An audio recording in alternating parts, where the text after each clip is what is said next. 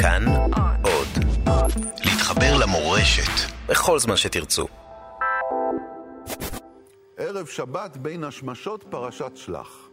כשמשה שלח מרגלים לטור את הארץ, הוא כנראה לא התכוון שהם יגידו לעם את מה שהם חושבים ישר בפרצוף. האורח שלנו הערב מכיר את האמת של הארץ הזאת מבפנים. הוא גדל בנהלל, שכל את אחיו הבכור במלחמה, התגייס למוסד והגיע עד לתפקיד המשנה לראש המוסד. עם המטען הזה מגיע רם בן ברק לפוליטיקה, קופץ למים העכורים והקרים כדי לעשות מה שעשו המרגלים בפרשת שלח לך. לספר על התמונה השלמה ולהגיד את האמת גם כשלא נעים לשמוע. ננסה לברר איתו מי אשם במחדל המרגלים והאם זה יכול היה להיגמר אחרת.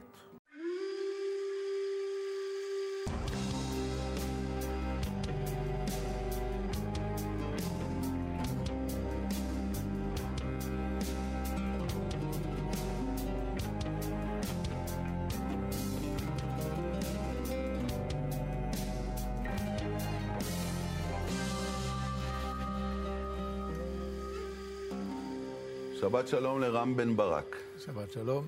איך אני אציג אותך? אתה פשוט אה, לשעבר מרגל בכיר מאוד בשירות המוסד. מרגל בכיר? כן, אפשר לקרוא לזה גם ככה. אתם קוראים לזה לוחם. אנחנו קוראים לזה לוחם, סוכן, אה, ויש גם מרגלים. כן. תגיד, זה, זה נחמד להיות מרגל? זה כיף? אה, בעיניי זה אחלה. מה, מה כל כך נעים בזה?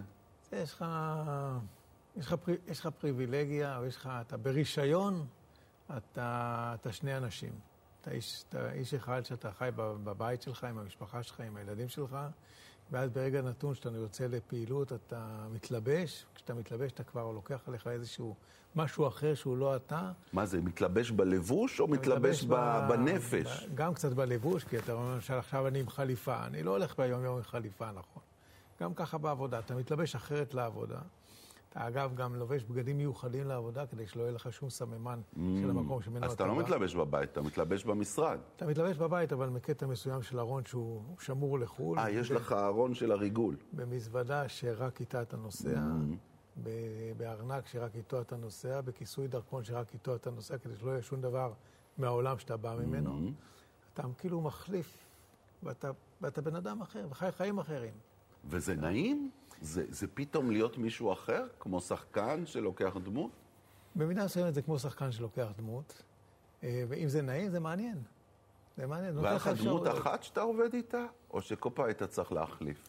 אה, לי, היו לי שתיים, שלוש דמויות שכל פעם הייתי מתחבר לאחת מהן, שהייתה מתאימה לסרטון. אתה יכול לספר על איזה דמות כזו שאהבת במיוחד להיות? לא. אתה לא יכול. לא. זה אדם... אבל, לא... אבל זה לא כל כך מסובך, זאת אומרת, אתה, אתה לצורך העניין עכשיו איש עסקים. אז אתה, אתה משחק איש עסקים. אבל זה לא סתם איש עסקים, זה איש עסקים, פלוני, אלמוני, מבית כזה וכזה, אתה יודע את כל הביוגרפיה שלו. כן, זה לא אבל... לא סתם איש עסקים. כן, אבל אתה יודע שהחוכמה היא לא לספר את הסיפור לאף אחד. Mm. החוכמה היא שיראו אותך, וזה יספר את הסיפור. לא ישאלו אותך מאיפה אתה בא, לא ישאלו אותך... כלום. אם אתה לא צריך לספר, זה כבר הסתבכת. אז כבר אתה בבעיה, לא בבעיה גדולה, יצא לי לספר. אבל רצוי לא לספר, וברוב המקרים אתה לא מספר. כדי שלא יתפסו אותך על פרטים גם. כן, אתה צריך, אתה צריך שהשפת גוף שלך, איך שאתה נראה, של אה, איך שאתה מתנהג, היא תספר את הסיפור. אז אם אתה עכשיו אה, אה, נמצא במלון שעולה 5,000 דולר ללילה, כי אתה צריך להיות בו לצורך המשימה שלך, אז אתה צריך להתנהג כמו מי שרגיל להיות... כמו אוליגרך.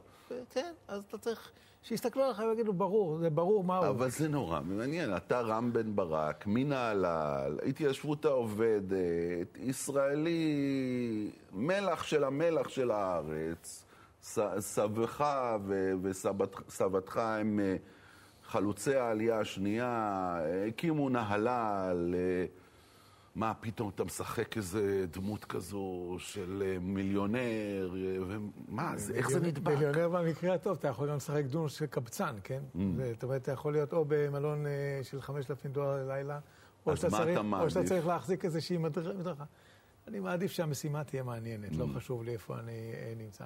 כן, זה מה שהופך את זה למעניין. כן, אתה יודע, אתה יכול למצוא את עצמך קם ב-6 בבוקר לחליבת בוקר, זה היה בתקופה שחלבתי בהתחלה. ואתה גומר לחלוב, אתה מתרחץ, אתה נוסע למשרד, אתה מתארגן, אתה עולה על המטוס, ואתה פתאום בעולם אחר לחלוטין. וואו, זה באמת מעבר חד, אה? ואחר כך לחזור הביתה. לילדים. אנחנו מדברים על זה, אני מתחיל, מתחיל להתגעגע לזה, כן. כבר לא עשיתי את זה. אתה מתחרט שעזבת. לא, לא, אני לא מתחרט, עזבתי כשסיימתי, לא, mm.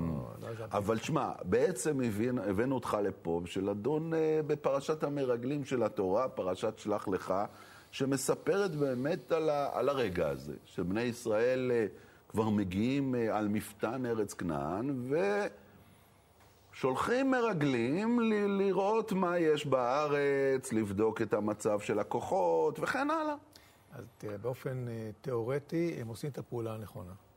זאת אומרת, אתה, לפני שאתה נכנס למשימה, אתה רצוי שתדע לקראת מה אתה הולך. זה באופן תיאורטי. באופן מעשי, קראתי את הפרשה בזכותך, כי בדרך כלל אני לא קורא פרשות שבוע. אם כי, אתה יודע, אם יש לך קשרים במוסד, אולי הגיע הזמן שהמוסד ילמדו את הפרשה הזו בקורס של הסוכנים, כי היא, היא, היא מדברת על העניינים שלכם. היא נכון. מקצועית לגמרי. היא מקצועית, אבל היא לא מקצועית. היא לא מקצועית כי אתה רואה את מי שלחו. אה, אז בוא נדבר על זה. את מי שלחו? בוא נקרא קודם כל. ודבר הוויה על משה לאמור, שלח לך אנשים ויתורו את ארץ כנען אשר אני נותן לבני ישראל, איש אחד, איש אחד, למטה אבותיו תשלחו, כל נשיא בהם. זאת אומרת, על פי מה, ש...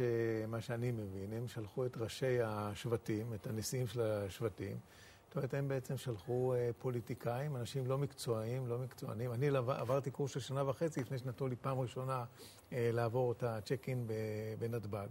כאן לקחו אה, פוליטיקאים, ופוליטיקאים יש להם אינטרסים אחרים. יודע, אחת הבעיות הכי גדולות שלנו, שאתה שולח מישהו לבצע איזושהי משימה שהוא חוזר, שהדיווח שלו יהיה דיווח כזה שהוא אומר מה היה לפי מה שהיה, לא לפי מה שהוא מעריך, לא לפי מה שהוא חושב שצריך להיות. או מה שהוא רוצה. או שמה שהוא רוצה, הוא צריך להגיד מה היה, נטו מה היה. אסור לו להכניס הערכה, זה מאוד חשוב. ו- וזה לא פשוט, כי לכל אחד יש את זה. רק כשאתה שולח פוליטיקאים... אז מראש, מראש אתה יודע שלא תקבל את זה. נכון. אז תגידו, אז, אז כבר אנחנו פה בטעות גדולה בפרשה הזו. צריך, אה, נכון?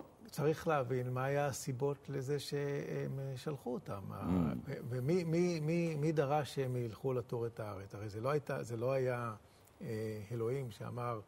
למשה, שלח את האנשים. הנה, לכאורה, שלח לך אנשים. אבל שלח לך, זה אומר, כמו שאני מבין את זה, אומר לו, אתה רוצה לשלוח, תשלח, אני לא רוצה לריב איתך על העניין הזה. אם אתה רוצה, תשלח, ככה אתה רוצה. אם אתה רוצה, תשלח. והבחירה של אה, משה היא בחירה שבאה כאילו לרצות את העם. הוא אומר, אני אשלח את האנשים ש, שמנהיגים אתכם, שהם יגידו לכם מה יש שם. Mm. זאת אומרת, יש בעניין הזה איזשהו אינטרס. גם כשאתה קורא את, את כל הפרשה, אתה מבין שיש כאן איזשהו חוסר אמונה ביכולות האלוהיות, או ביכולת של...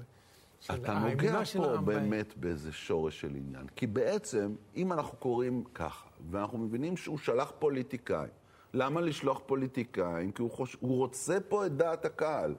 זאת אומרת, הוא רוצה מראש שיחזרו הפוליטיקאים, נשיאי העדה, ויגידו לעם, תשמעו, ארץ כנען זו בונבוניירה, וזה מאוד קל להיכנס אליה, וזה לא נורא, ואתם תכבשו אותה על נקלה. אני חושב שאתה צודק. בעצם זו הייתה המטרה. היה פה בעיה של אמונה כבר בשליחה של המרגלים. נכון, ובשביל לחזק את מה שאתה אומר, אתה גם רואה שכשהם באו ולתת את הדיווח, הם לא נתנו את הדיווח למשה כמו שמתבקש. אתה יודע, שאני שולח מישהו ביום ששלחתי, בדרך כלל שלחו אותי, אבל כשאני כבר שלחתי מישהו, הוא היה נותן את הדיווח. הוא לי. מגיע אליך חזרה. הוא נותן ו... דיווח. כאן את הדיווח הם נותנים לפני כל העם. זאת אומרת, בטלוויזיה. בטלוויזיה. זאת אומרת, הם חוזרים מהמשימה, ו... תחשוב, אה, סוכן חוזר מהמשימה, ובנתב"ג עוצר אותו כתב, והוא מספר לכל עם ישראל אה, איך הוא התרשם. איך הוא התרשם, ו- ויש לזה, לזה מגמה. אבל, אבל תראה, מה שמפתיע, שכשמשה אה, שולח אותם, וישלח אותם משה לתור את ארץ כנען, ויאמר עליהם, עלו זה בנגב ועליתם את ההר, וריתם את הארץ, מהי? ואת העם היושב עליה. החזק הוא הרפה, המעט הוא עם רב. ומה הארץ אשר הוא יושב בה? הטובה היא עם רעה, מה הערים אשר יושב בהנה? במחנים, אם במבצרים, הארץ שמנה או רזה. זאת אומרת, הוא כן מבקש מהם, אה, איך קוראים לזה במודיעין?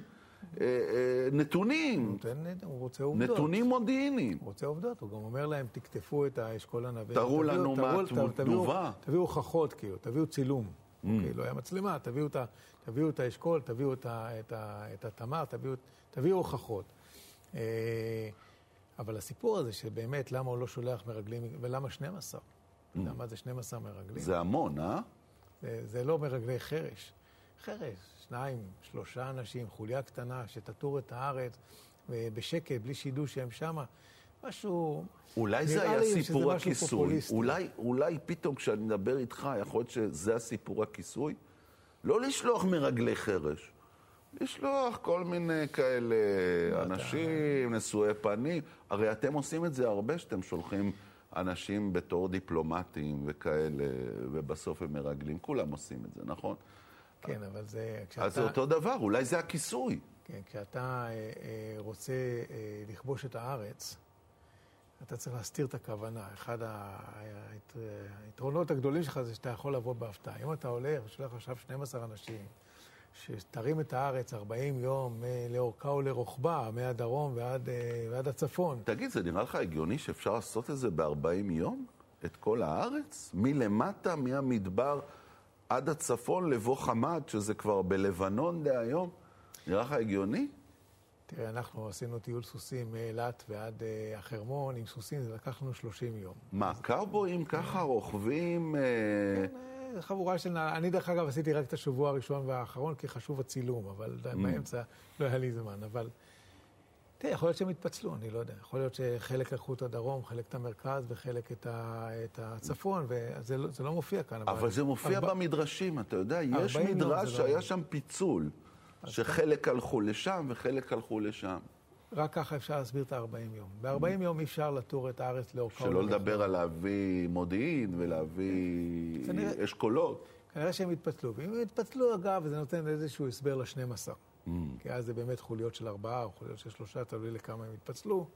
נותן איזשהו הסבר ל-12, אבל הפוליטיקאים לא מסתדר לנו, ולכן אני חושב שעמד משהו אחר מאחורי השליחה של המרגלים לארץ. זה היה משהו פוליטי. תעמולתי. תעמולתי, אני חושב ש, ש, שזה נובע מחוסר האמונה של אלוהים, חוסר האמונה באלוהים, או ביכולת של אלוהים, והפחד מפני אה, להיכנס עכשיו למלחמה, אחרי שהם הלכו במדבר, אני לא יודע כמה זמן, אה, עד שהם הגיעו לארץ. בכל זאת, חתיכת דרך ממצרים עד... אה, אז רם, אנחנו נעשה רגע הפסקה, ואחרי הפסקה אני אשאל אותך מאין באת או לאן אתה הולך. חכו איתנו. בשמחה.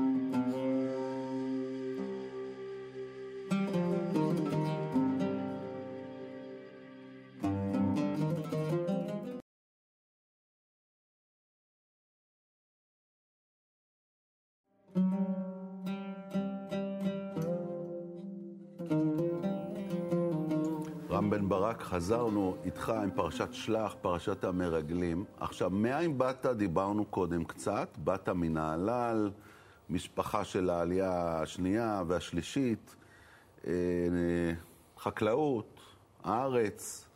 נכון. סוסים. נכון. צבא, סיירת מטכ"ל. אחר כך אתה מגויס אה, למוסד, עובד שם הרבה שנים, עד שאתה פורש אה, ממש בזמן האחרון. לפני כחמש שנים. חשב, רצית להיות אה, ראש המוסד, אה, לא מונית לראש המוסד ו, ופרשת. נכון. זה... כל מה שאמרת מדויק. ואז, בזמן האחרון, אתה עושה מעבר לכיוון של הפוליטיקה, הצטרפת למפלגת יש עתיד.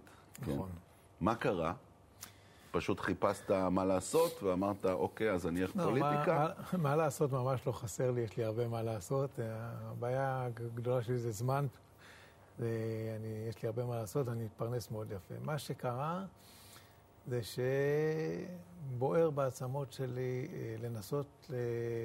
ולשנות, כי אני חושב שאנחנו הולכים לכיוון לא טוב. Mm.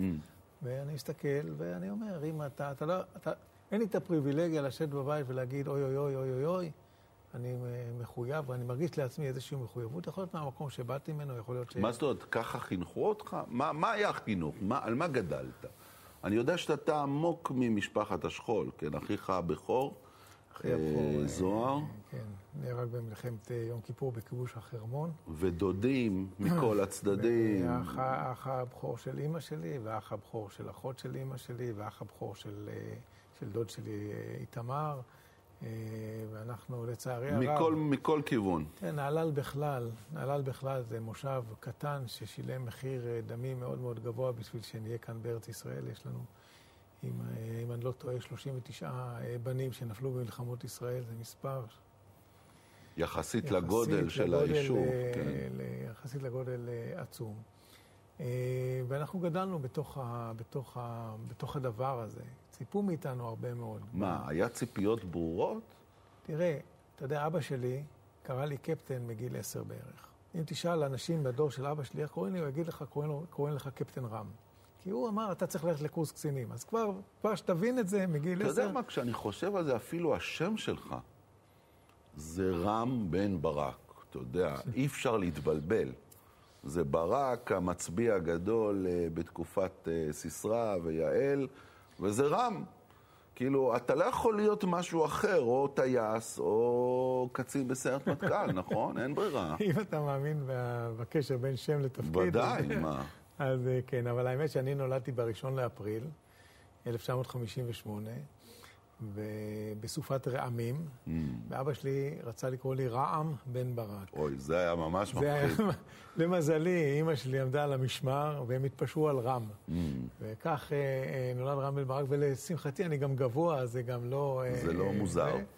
וכן, אני מאוד אוהב את השם שלי. אני לא יודע אם השם הוא מחייב, אבל אה, אני מאוד אוהב את השם שלי. המקום שבאתי ממנו, אי אפשר להגיד שהוא לא מחייב. הוא מחייב לטוב ולרע. מצד אחד אתה גודל עם, אה, עם ערכים ועם תחושה שאתה לא יכול לשבת מהצד, אתה צריך אה, אה, לעשות. ומצד שני, לפעמים, אתה יודע, זה קצת... אה, מלחיץ. זה קצת מלחיץ. לא כל האנשים הם אותו דבר ולא כל האנשים מסוגלים. נגיד עם הילדים שלך, איך התנהגת? אני מאוד הקפדתי, יש לי שלושה ילדים, שתי בנות ובן, אה, ואני עם הבן, שזה הכי בא לידי ביטוי, מפני, ש, מפני שהוא אה, אה, מתגייס לצבא, ובנים זה... זה לא כמו בנות, למרות שבתי האמצעית היא רופאה גדודית, אז, אז זה גם, כן קרבי. היא גם קרבית לגמרי, וגם אה, הבת הגדולה, לא משנה, אבל ה, ה, מאוד היה חשוב לי שהוא יבין שהוא צריך לעשות את מה שטוב לו, את מה שמתאים לו. ו... והעברתי לו את זה בשיחות ובזה, ובסופו של דבר, למרות שאגב, הוא היה ממוין לתפקיד ב-8200, הוא חתם ויתור והלך ל... ליחידה אז זה לא קרבית. עזר לך. זה לא כי עזר. זה כל כך מופנם. או שזה מתאים לו. Mm. אולי זה כן מתאים לו. אני, אני, היה לי חשוב שההחלטה תהיה שלו. אני לא רציתי שהוא ינסה לחקות את אבא שלו, או שיגיד בגלל אבא שלי, אבא שלי מצפה, אבא שלי מצפה מהילדים שלו שיהיו אנשים אה, אה, טובים, ושמה שרע להם, שלא יעשו לזולתם. Mm. זה מה שאני מצפה מהילדים שלי. לא שיוכיחו את עצמם בצבא, לא שיוכיחו את עצמם במקומות אחרים. לשמחתי הם מוכיחים את עצמם, אבל זה כי הם רוצים. Mm. אני... חשוב לי שיהיו אנשים טובים. זה... מה הערכים המרכזיים שלך, נגיד? אה, אתה מאמין בתורה, בנביאים, באלוהים? אה, מה, מה ה-DNA הרוחני שלך? ה-DNA הרוחני שלי זה שאני אה, מאמין שכל אדם צריך אה, לשאול את עצמו אה, כל בוקר שהוא קם, או כל ערב לפני שהוא הולך לישון, האם אני פגעתי במישהו, האם עשיתי למישהו משהו שלא הייתי רוצה שיעשו לי. Mm. ואם התשובה שלו היא חיובית, הוא יכול ללכת לישון בשקט. ואם התשובה שלו היא שלילית, כדאי שיבחן את עצמו מחדש. ולאור ה... לאור ה... ואני מאמין שזה כל התורה בעצם על, על רגל אחת. אני גם חושב ש... כל החוקים שחוקקו וכל האיסורים והזה, הם נועדו בעצם שהממסד יכול יהיה לשלוט ב- באנשים. כן, יהיו- מניפולציה של, שלטונית. שזה. אם- גם אם- עשרת הדיברות בעיניך הם מניפולציה? לא, אה, זה, זה נורא מצחיק שאתה שואל על זה, כי כששואלים אותי במה אני מאמין, אז אני אומר, אני מוכן לקבל את זה שיש אלוהים, אבל הדבר היחידי שבאמת קיבלנו מאלוהים זה את עשרת הדיברות, וכל השאר זה פירושים. ובואו נתמקד מה, בעשר- זה הרבה מאוד. ובואו נתמקד בעשרת הדיברות, גם זה לא הרבה קל. מאוד. גם זה לא קל. רם, אם אתה אומר statement כזה, שאתה מאמין באלוהים שנתן את עשרת הדיברות, אתה כבר יכול להצטרף לש"ס, לא ליש עתיד.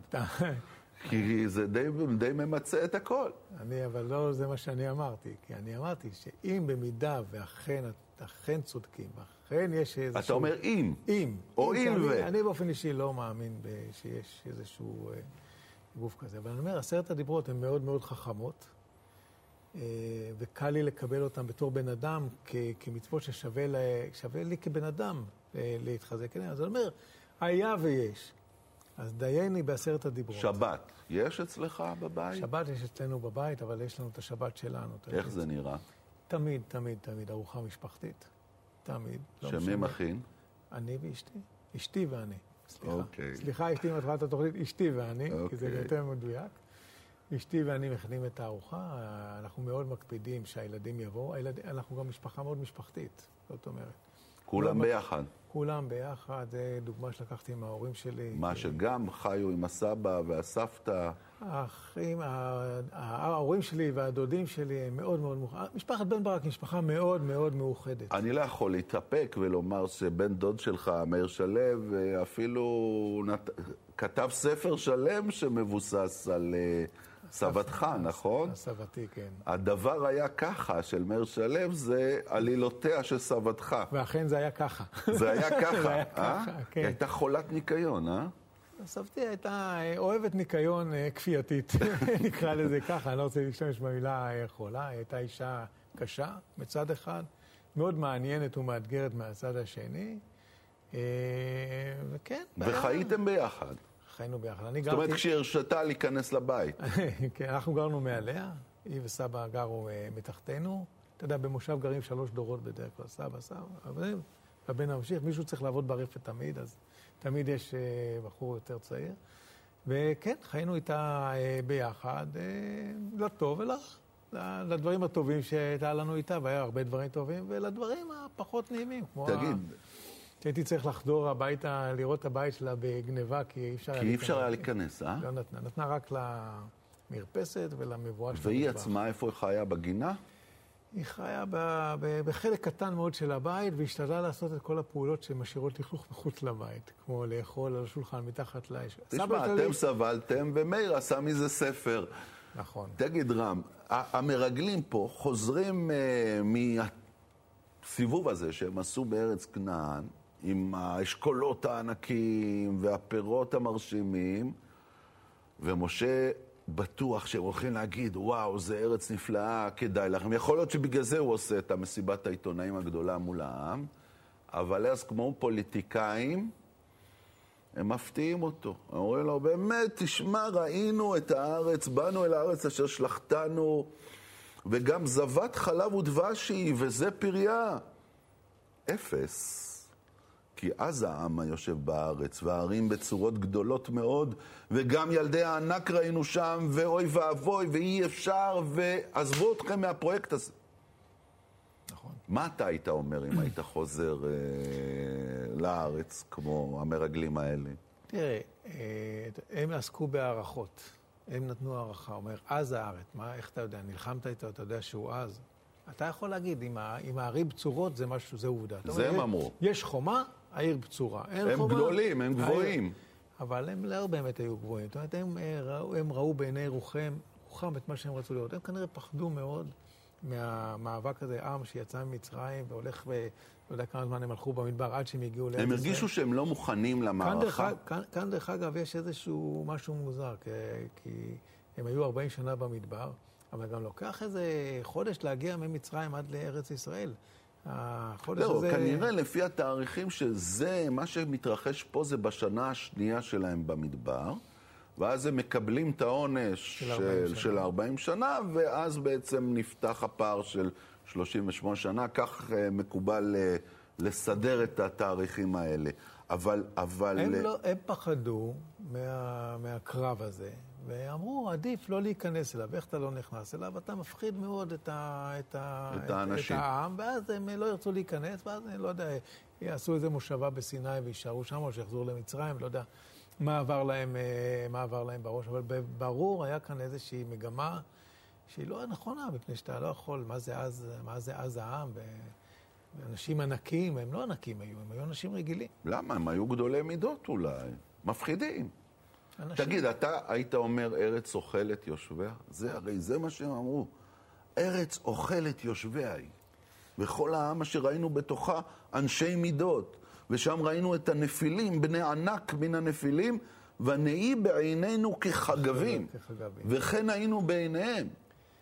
היה כאן משהו מגמתי שרצה להפחיד את האנשים מלהיכנס לארץ. קרה לך פעם שסוכן חזר אליך ו- ונתן לך מידע רווי בהערכות ובהטיות לב, שהיית בסיטואציה כזו שצריך לברור את הנתונים, או שמרגלים כאלה לא מגיעים אצלכם לקו המשימה?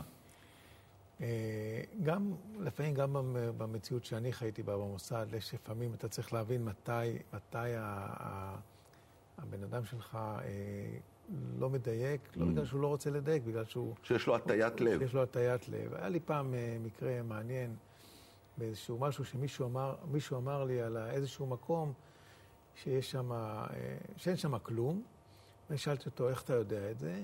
הוא אמר לי, ראיתי את הסימן הזה, וראיתי את הסימן הזה, וראיתי את הסימן הזה. ואז אמרתי לו, אבל למה לא עשית אקט אה, אקטיבי בשביל לבדוק את זה? הוא אמר לי, לא צריך לגעת בברזל האדום בשביל לדעת שהוא לוהט. לא mm. אז אמרתי לו, בוא, בוא ניגע בברזל האדום, והוא טעה. Mm. הוא טעה. זה היה בתחילת, זה היה סוכן צעיר בתחילת אה, דרכו, וזה דווקא היה שיעור טוב. Mm. כי אסור לך להסיק מסקנות ממשהו שהוא לא...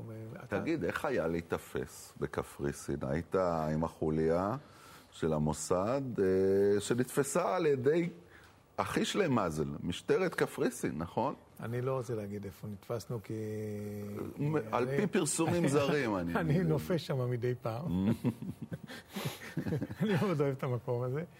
אה, תראה, להיתפס זה לא נעים. אתה, הרי, כשאתה, כשאתה איש אה, מוסד, וכשאתה פועל, אתה באמת מרגיש על גג העולם. תחשוב, העולם הוא מגרש המשחקים שלך. אתה באמת מרגיש... ואתה מרגיש שאתה מוכשר לעשות כל מיני ואתה, דברים. ואתה עושה מניפולציות, ואתה מסובב, ואתה מארגן את כלי המשחק שיעשו את מה שאתה רוצה, ופתאום אתה יושב ומוצא את פתאום איזה שוטר מקוף תפס אותך עם אזיקים. כן, ואתה קשור לכיסא, ואתה משם יורד לשם, ו... אבל זה לא נורא, זה לא... לי, זה... לי באופן אישי זה לא היה איזושהי טראומה. מה, מה, מה הרגשת באותו רגע? בושה, אה, אכזבה, פחד? לא, אני כעסתי על עצמי איך נתנו לזה לקרות, כי אפשר היה למנוע את זה. אה, בתכנון אחר היה אפשר למנוע את זה. אה, הרגשתי הרגשה של פספוס, כי זה באמת היה נמנע. אה, ומאותו רגע חשבתי איך אנחנו יוצאים מזה. Mm. למשל, איך אנחנו מלכלכים את הזירה שלא יוכלו להגיד שזה אנחנו, כל מיני דברים טקטיים, איך אתה, איך אתה מתנהג בזמן שאתה נעצר. אתה מיד עובר למוד אחר, מוד שאתה מתורגל אליו, אתה הרי מתרגל את זה. הרי עוצרים אותך פה בתרגילים. ו... רם, דקה אחרונה לפני הסיום, החזון שלך למדינת ישראל.